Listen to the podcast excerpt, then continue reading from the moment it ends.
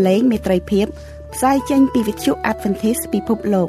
នាងខ្ញុំ Erica Pha ហើយខ្ញុំ John Prisley Pha សូមគោរពនិងស្វាគមន៍ចំពោះអស់លោក លោកស្រី និងប្រិយមិត្តអ្នកស្ដាប់ទាំងអស់ជាទីមេត្រី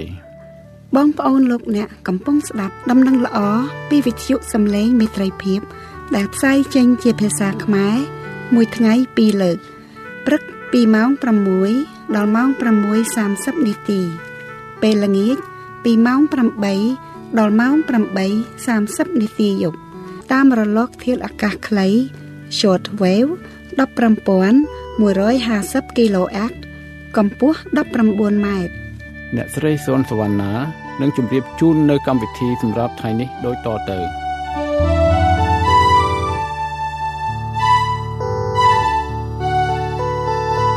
បងប្អូនស្ងួនភ្ងាជាទីគោរពនិងជាទីមេត្រី វិទ្យុសំឡេងមេត្រីភាពចាក់ផ្សាយពីរលើករៀងរាល់ថ្ងៃ ថ្ងៃប្រហោះមានកម្មវិធីសិក្សាព្រះគម្ពីរតាមសៀវភៅ Sabbath School ថ្ងៃសុក្រមានកម្មវិធីថ្វាយបង្គំព្រះនិងអធិប្បាយខ្លីៗថ្ងៃសៅរ៍មានទីបន្ទាល់ពីក្រុមជំនុំ ឬអធិប្បាយពីព្រះគម្ពីរនិងថ្ងៃអាទិត្យមានការអធិប្បាយព្រះបន្ទូល សូមព្រះជាម្ចាស់ប្រទានព្រះពរដល់បងប្អូនលោកអ្នកដែលបាននឹងកំពុងស្ដាប់បទសំឡេងមេត្រីភាព thank you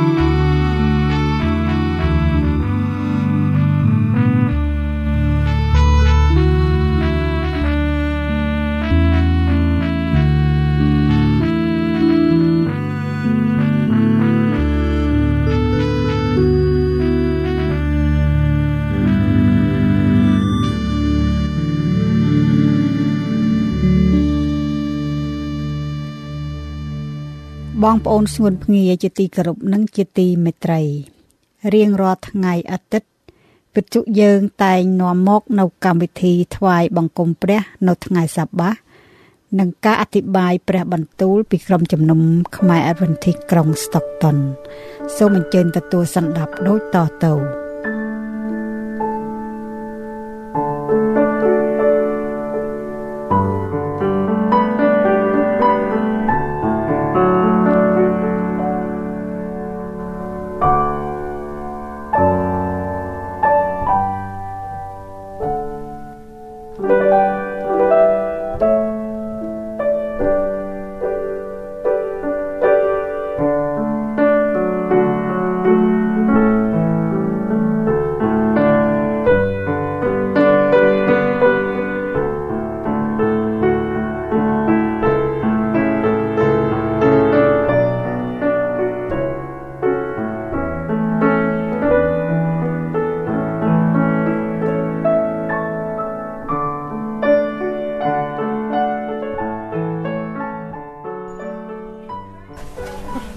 Sabbath,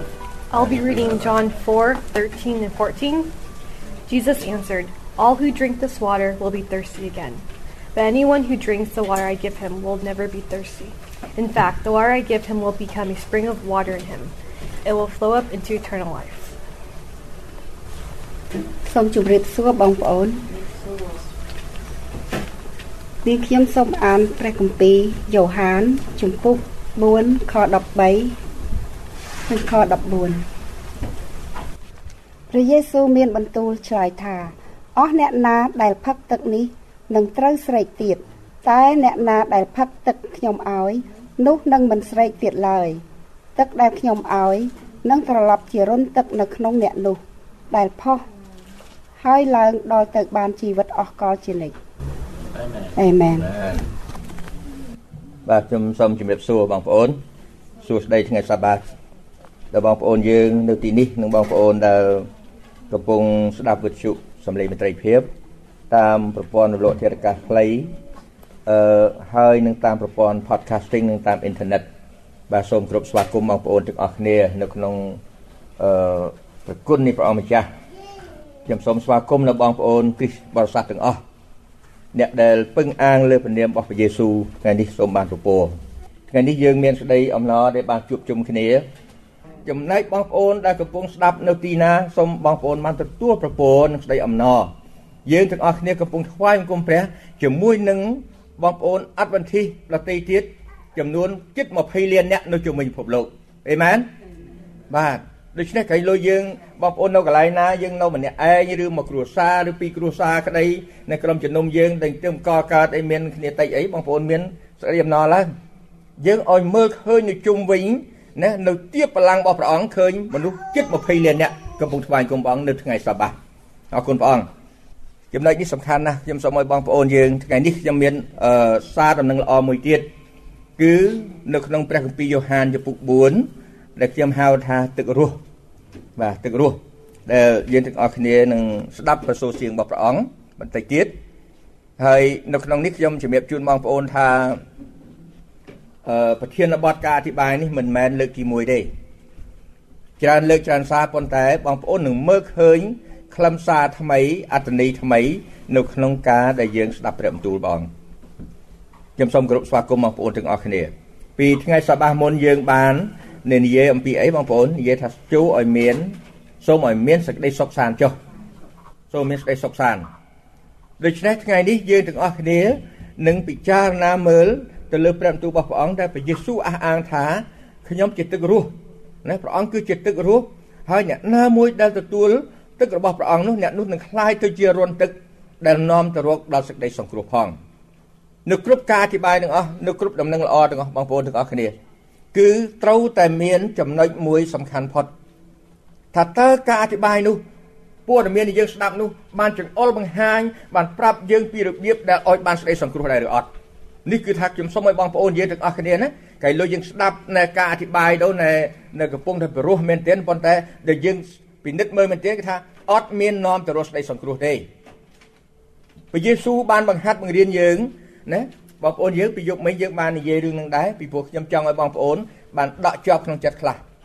មុនពេលខ្ញុំអធិប្បាយហេតុអីបានជាព្រះយេស៊ូវទៅជួបស្ត្រីសាសសាមារីនៅអណ្ដូងទឹករបស់លោកយ៉ាកុប បាទបើយើងនិយាយពីអណ្ដូងយ៉ាកុបនឹងបានន័យថាយូរលងមកហើយណានៅក្នុងព្រះគម្ពីរបកាលណានិយាយពីរឿងអីនិយាយថាពីពូជម្បោព្រះនៅកាលណាព្រះគម្ពីរចង់សម្ដែងថាព្រះរបស់នៃរាជអ៊ីស្រាអែលព្រះរបស់មនុស្សទាំងអស់ដែលព្រះអង្គទ្រង់បានបង្កើតមកនេះគឺមានពាក្យបីម៉ាត់ថាព្រះរបស់អាប់រ៉ាហាំព្រះរបស់អ៊ីសាក់ព្រះរបស់យ៉ាកុបយ៉ាកុបនឹងបងប្អូនស្មើនឹងអីអ៊ីស្រាអែល បាទក្រោយមកក៏ដូចឈ្មោះទៅអ៊ីស្រាអែលដូច្នេះបងប្អូនចាំពាក្យបីម៉ាត់ហ្នឹងណាគឺថាព្រះរបស់នៃអាប់រ៉ាហាំព្រះរបស់នៃអ៊ីសាក់ព្រះរបស់យ៉ាកុបនឹងហើយជាព្រះនៃនគរឋានសួគ៌បាទដូច្នេះមុននឹងយើងមើលព្រះបន្ទូលនេះខ្ញុំសូមអញ្ជើញបងប្អូនបានសង្រួមកាយដើម្បីទិដ្ឋានសូមពរព្រះអង្គជាមួយខ្ញុំព្រះបិតាទូមគុំសូមយាងព្រះមានបរិសុទ្ធរបស់ព្រះអង្គគង់ជាមួយទូមគុំនឹងបងប្អូនទាំងអស់ទាំងនៅទីនេះទាំងនៅជុំវិញពិភពលោក កំពុងស្ដាប់ព្រះសូរសៀងរបស់ព្រះអង្គសូមទ្រង់ប្រទានពរឲ្យបងប្អូនទាំងអស់បានទទួលសារដំណឹងល្អនេះដែលជាសារដំណឹងល្អដែលនឹងបង្ហាត់បង្រៀនបងប្អូនយើងទាំងអស់គ្នាឲ្យបានទទួលសេចក្តីសង្គ្រោះគឺខ្ញុំសូមអធិដ្ឋានដោយនៅព្រះនាមព្រះអង្គចាស់ព្រះយេស៊ូវគ្រីស្ទអាមែន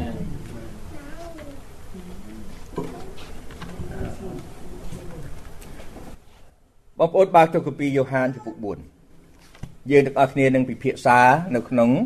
នេះម្ដងទៀតនៅក្នុងគម្ពីរយ៉ូហានចំពុក4នេះខ្ញុំមិនបានមើលលំអិតទាំងអស់ទេខ្ញុំសង្ឃឹមថាបងប្អូន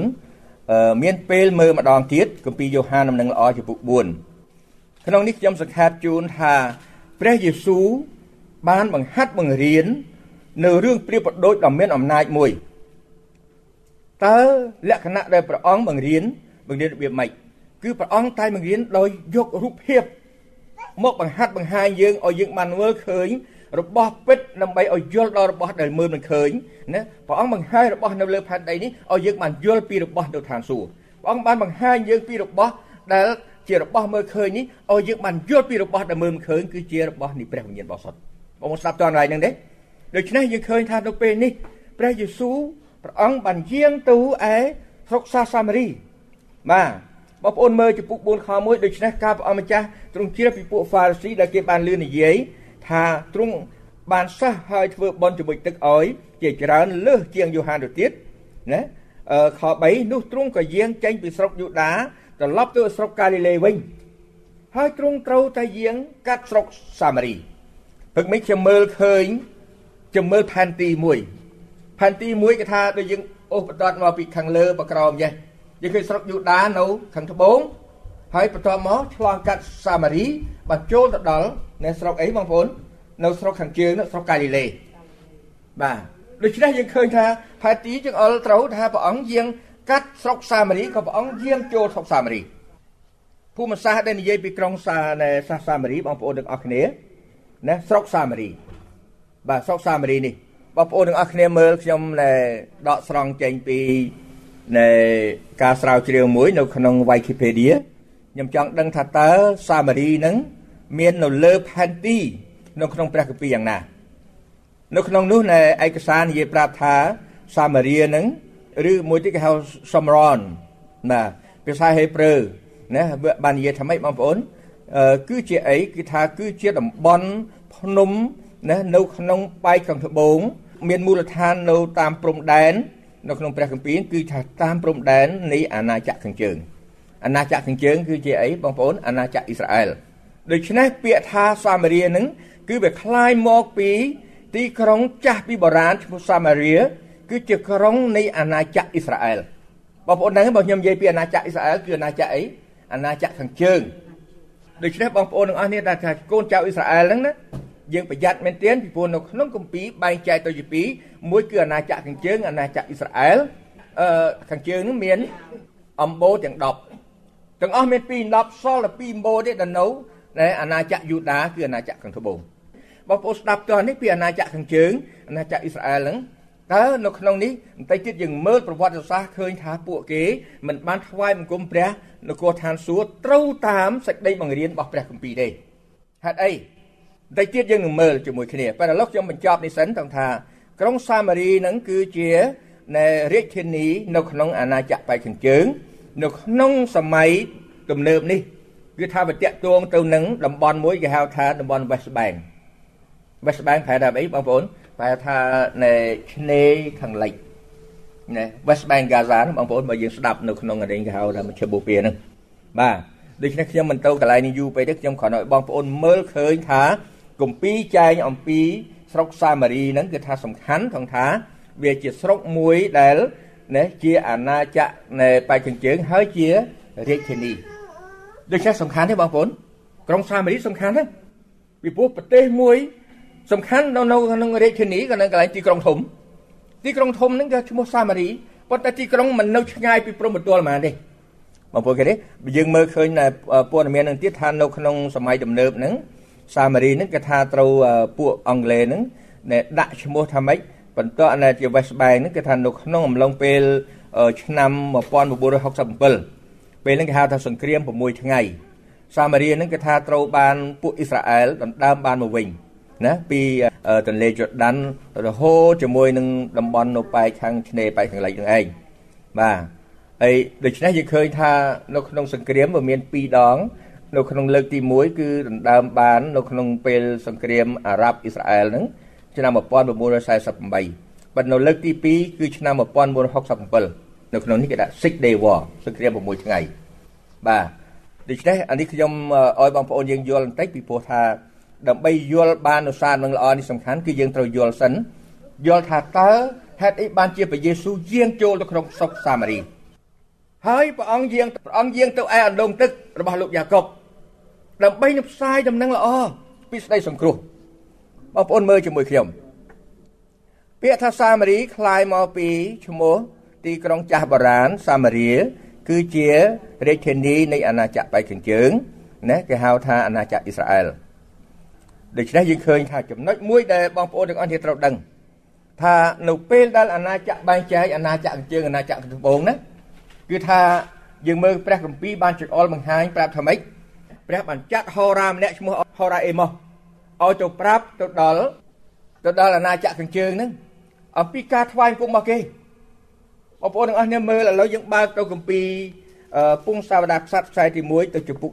12យើងមើលជាមួយគ្នាដើម្បីឲ្យយល់បានអំពីនៃប្រវត្តិសាស្ត្រខ្លះដែលតាក់ទងទៅជាមួយនឹងអាណាចក្រខាងជើងទំព័រ476បងប្អូនទំព័រ476ពងសាវតាខ្សត្រខ្សែទី1ចំពុក12 យើងអានពីខ25ក្រោយនោះមកយេរូបោមទ្រង់សង់ក្រុងស៊ីកេម នៅស្រុកភ្នំអេប្រាអឹមរួចទ្រង់គង់នៅទីនោះហើយចេញពីទីនោះទៅសង់ក្រុងពេនូលទៀតយេរូបោមទ្រង់ព្រះតម្រេះក្នុងប្រតិថា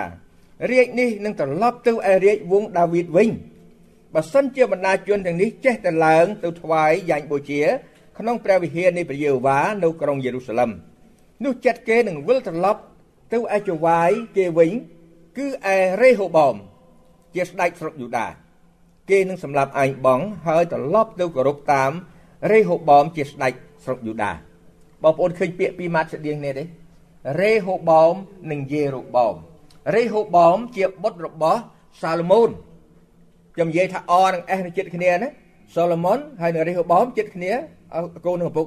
ប៉ុន្តែយេរូបោមនឹងគឺជារាជទេមិនមែនជាប់ជំនួពងនៃរបស់នៃលោកដាវីតឬក៏នៃសាឡូមោនទេប៉ុន្តែត្រូវមិនពេញចិត្តជាមួយនឹងនៃអឺបុត្ររបស់នៃសាឡូមោនគឺនៃរេហូបោមនឹងក៏បាននាំគ្នាទៅបង្កើតអាណាចក្រខាងជើងនាំទាំងបាន10អំបូរទៅជាមួយគាត់គិតថាពួកទាំងអស់នោះកាលណាគេធ្វើពិធីបុណ្យថ្ងៃនេះបុណ្យអីបងប្អូនបុណ្យធំជាងគេមួយឆ្នាំម្ដង បុណ្យធួននឹងបាបគេហៅអី Yom Kippur ពួកឧទាហរណ៍បុណ្យរំលងគេនាំគ្នាទៅថ្វាយបង្គំព្រះអង្គនៅឯនៅក្រុងអាណាចក្រខាងត្បូងក្រុងយេរូសាឡឹមកន្លែងនោះកន្លែងថ្វាយបង្គំព្រះកន្លែងទីដែលព្រះវិហារបោះសុតព្រះវិហារធំដូច្នេះឥឡូវនេះគេថាយេរូបោមបានគិតថាបើសិនជារាជនឹងចេះទៅវិលត្រឡប់ទៅវិញណាគឺគេនឹងវិលត្រឡប់ទៅឯស្ដេចរបស់គេ ដូច្នេះបានជាគាត់គិតធ្វើម៉េចគាត់គិតមើលឃើញថាពួកនឹងទៅអាណាចក្រដំបងដោយសារអីបងប្អូនដោយសារព្រះវិហារធំដូច្នេះឥឡូវបើសិនជាគាត់ចង់ឲ្យមនុស្សទាំងអស់នេះមិនទៅថ្វាយគុំព្រះអង្គនៅអាណាចក្រខាងត្បូងគាត់ត្រូវធ្វើម៉េចគាត់ត្រូវសង់ព្រះវិហារធំដែរដូច្នេះឥឡូវនេះគាត់មានកំណត់មួយថាគាត់នឹងសង់ព្រះវិហារនៅអាណាចក្រខាងជើង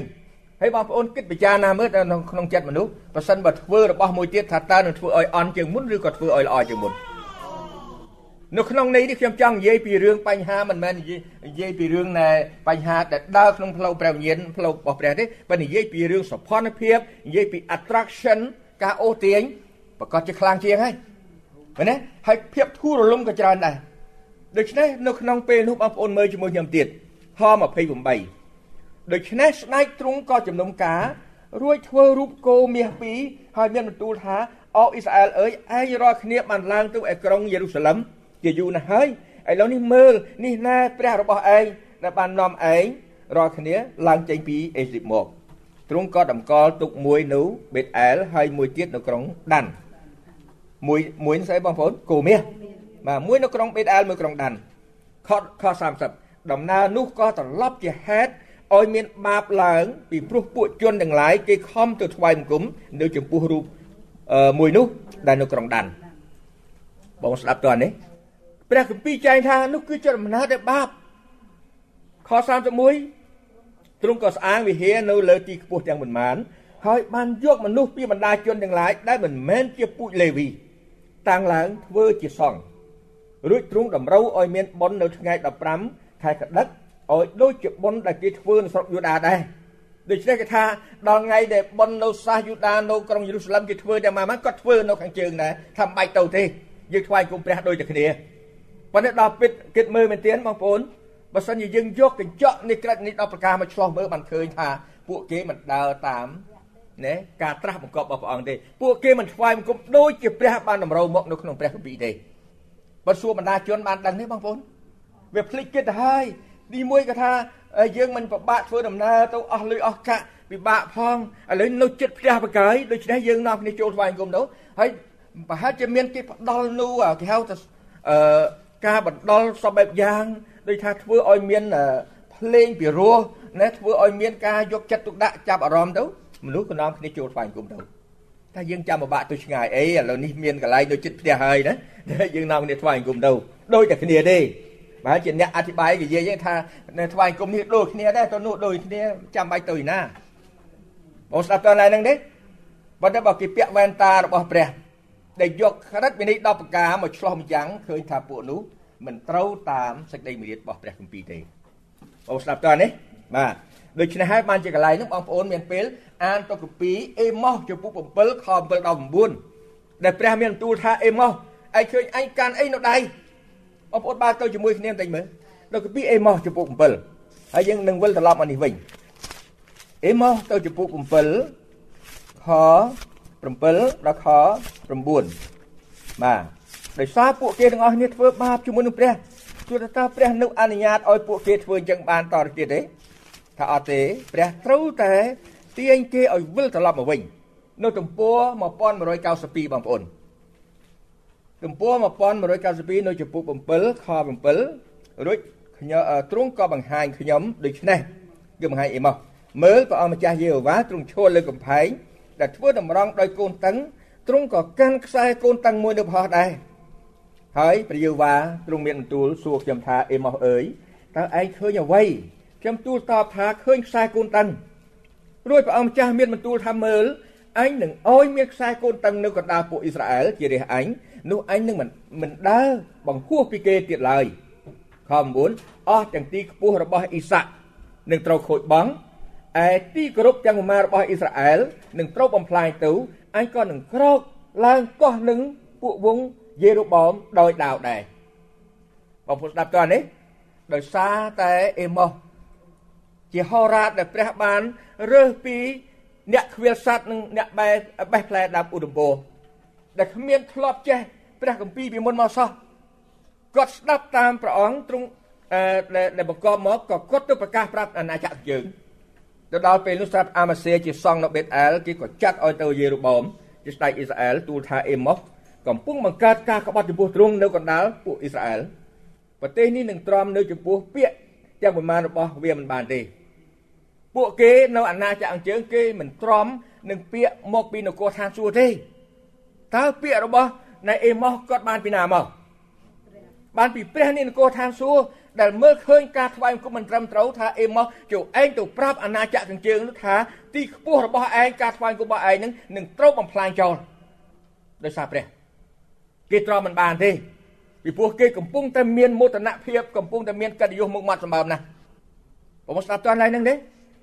ដូច្នេះយើងភ្ជាប់រឿងហ្នឹងអេម៉ូសទៅនឹងគម្ពីរពងសាវតាខ្សត្រខ្សែទី1 យើងនឹងឃើញហើយនឹងទៅនឹងព្រះគម្ពីរយ៉ូហានចំពុក4យើងនឹងមើលឃើញរូបភាពដ៏ពិតប្រាកដថាហេតុអីបានជាព្រះយេស៊ូវយាងទៅក្រុងសាមារីបងស្ដាប់តើឡើយហ្នឹងទេឥ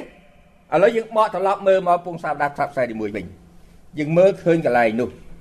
យើងបងប្អូនមើលចំពុកមកចំពុក12យើងមើលនៅខ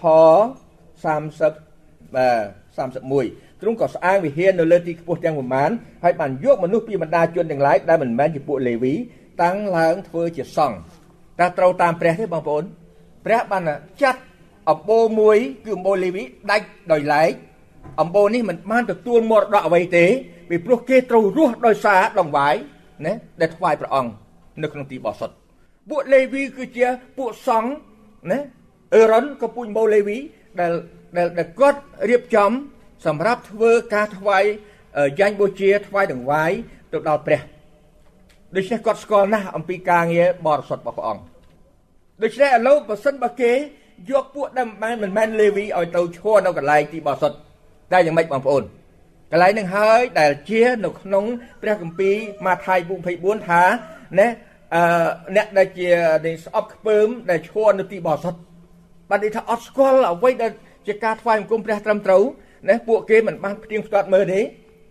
ពួកលេវីបើសិនជាហៅគេទៅគេមិនទៅដែរពីព្រោះគេឃើញព្រះវិហារដាក់រូបគោមាសពីរនៅហ្នឹងសួរថាឲ្យពួកលេវីទៅថ្វាយបង្គំព្រះអង្គបានទេអត់ទៅទេមិនទៅទេពីព្រោះគេមើលឃើញថាខុស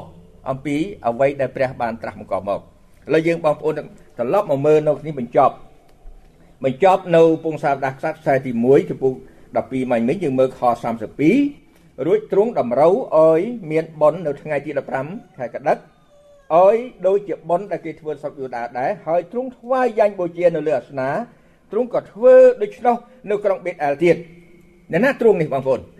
ស្ដេចណាស្ដេចយេរូបោមសួរតែស្ដេចយេរូបោមនឹងត្រូវមានតួនាទីទៅថ្វាយដង្វាយនៅលើអាសនាទេអត់ទេបងប្អូនមើលចំពោះ13ចំពោះ13ខ1ខណៈនោះមានអ្នកសំណប់ព្រះម្នាក់ចេញពីស្រុកយូដាមកដល់បេតអែល តាមបង្គាប់នៃព្រះយេហូវ៉ាឯយេរូបមទ្រង់កំពុងតែឈរនៅមុខអាសនាដើម្បីដុតកំញានណាអ្នកនោះស្រែកឡើងទាស់នឹងអាសនាដោយបន្ទូលនៃព្រះយេហូវ៉ាថាមនាលអាសនាមនាលអាសនាអើយព្រះយេហូវ៉ាទ្រង់មានបន្ទូលដូច្នេះមើលនឹងមានបុត្រត្រាមួយកើតមកក្នុងព្រះវង្សរបស់ដាវីតព្រះនាមយូសៀសទ្រង់នឹងថ្វាយពួកសង្ឃទាំងអស់ទាំងទាំងអស់ទាំងទីខ្ពស់ដែលកំពុងដែលដុតកំញាននៅលើឯងទុកជាយ៉ាញ់បូជានៅលើឯង ព្រមទាំងដុតឆ្អឹងមនុស្សនៅលើឯងដែរបងប្អូនឃើញធ្វើខុសទេធ្វើខុសជាមួយនឹងព្រះអង្គពេលនោះព្រះបានចាត់ហោរាមួយទៀតអ្នកសំណប់ព្រះម្នាក់នេះអត់មានឈ្មោះទេបានដីថាអ្នកណាមួយដែលព្រះចាត់ទៅឲ្យនាំដំណឹងល្អទៅប្រាប់បងប្អូនដឹងទេរឿងហ្នឹងកើតឡើង300ឆ្នាំក្រោយមកទៀតយូសៀសក៏បានណែកើតឡើងមានហើយក៏បានឡើង បន្តរាជហើយក៏បាន ណែយកអានេះគេហៅឆ្អឹងពួកហោរាទាំងអស់ដែលហោរាខ្លាំងខ្លាយទៅដុតនៅលើអាសនានៅទាំងអស់ដើម្បីបង្អាប់កន្លែងអាសនាមួយទៅថ្វាយគុំខុសបងស្ដាប់តើកន្លែងហ្នឹងទេដូច្នេះព្រះគម្ពីរចែងមកត្រឹមត្រូវអត់មានខុសទេអញ្ចឹងបានថាឥឡូវយើងបងប្អូនទាំងអស់គ្នាមើលយើងឃើញថាខ្ញុំនាំបងប្អូនមើលពងសាវដាស់ខ្សត្រខ្សែទី1នេះដើម្បីឲ្យយើងមើលឃើញអំពីរូបភាពនៅក្រុងសាមារីព្រះយេស៊ូវដែលព្រះអង្គទ្រង់បាន យាងកាត់ស្រុកសាមារីព្រះអង្គបាននាំសារដំណឹងល្អនៃនគរឋានសួគ៌ទៅប្រាប់ពួកគេឥឡូវបងប្អូនយើងវិលត្រឡប់ទៅកាពីយ៉ូហានជំពូក4វិញឥឡូវបងប្អូនស្ដាប់តើនេះខ្ញុំឲ្យមើលឃើញពីប្រវត្តិសាស្ត្រខ្លះយើងដើរនៅក្នុងព្រះគម្ពីរនៅតាមរយៈប្រវត្តិសាស្ត្រនេះនឹងចង្អុលបង្ហាញយើងឃើញថាមិនមែនពាក្យដែលនៅក្នុងគម្ពីរយ៉ូហានដំណឹងល្អជំពូក4ណាខ9នោះណែគ្រាន់តែបើកមុខកញ្ចក់បន្តិចប៉ុណ្ណឹង ណាបើបងប្អូនអធិប្បាយពីម៉ោងមិនចប់ទេណាឥឡូវបើបងប្អូនមើលគម្ពីរយ៉ូហានជំពូក4ខ9ស្ត្រីសាសសាមារីនោះក៏ទូលថាលោកជាសាសយូដាម្ដេចឡើយក៏លោកសូមទឹកខ្ញុំពិសាដែលខ្ញុំជាស្រីសាសសាមារីដូច្នេះបើកមុខកញ្ចក់នេះត្បិតសាសយូដាមិនដែលប្រកបនឹងសាសសាមារីទេ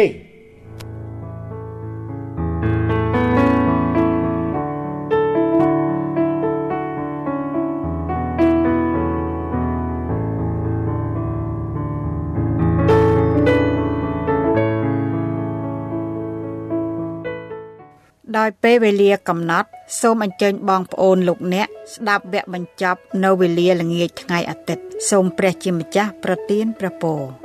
វិទ្យុយើងសូមថ្លែងអំណរគុណដល់បងប្អូនលោកអ្នកដែលបានយកចិត្តទុកដាក់ស្ដាប់កម្មវិធីយើងខ្ញុំនៅថ្ងៃនេះសូមព្រះជាម្ចាស់ប្រទានព្រះពរជាបរិបូរណ៍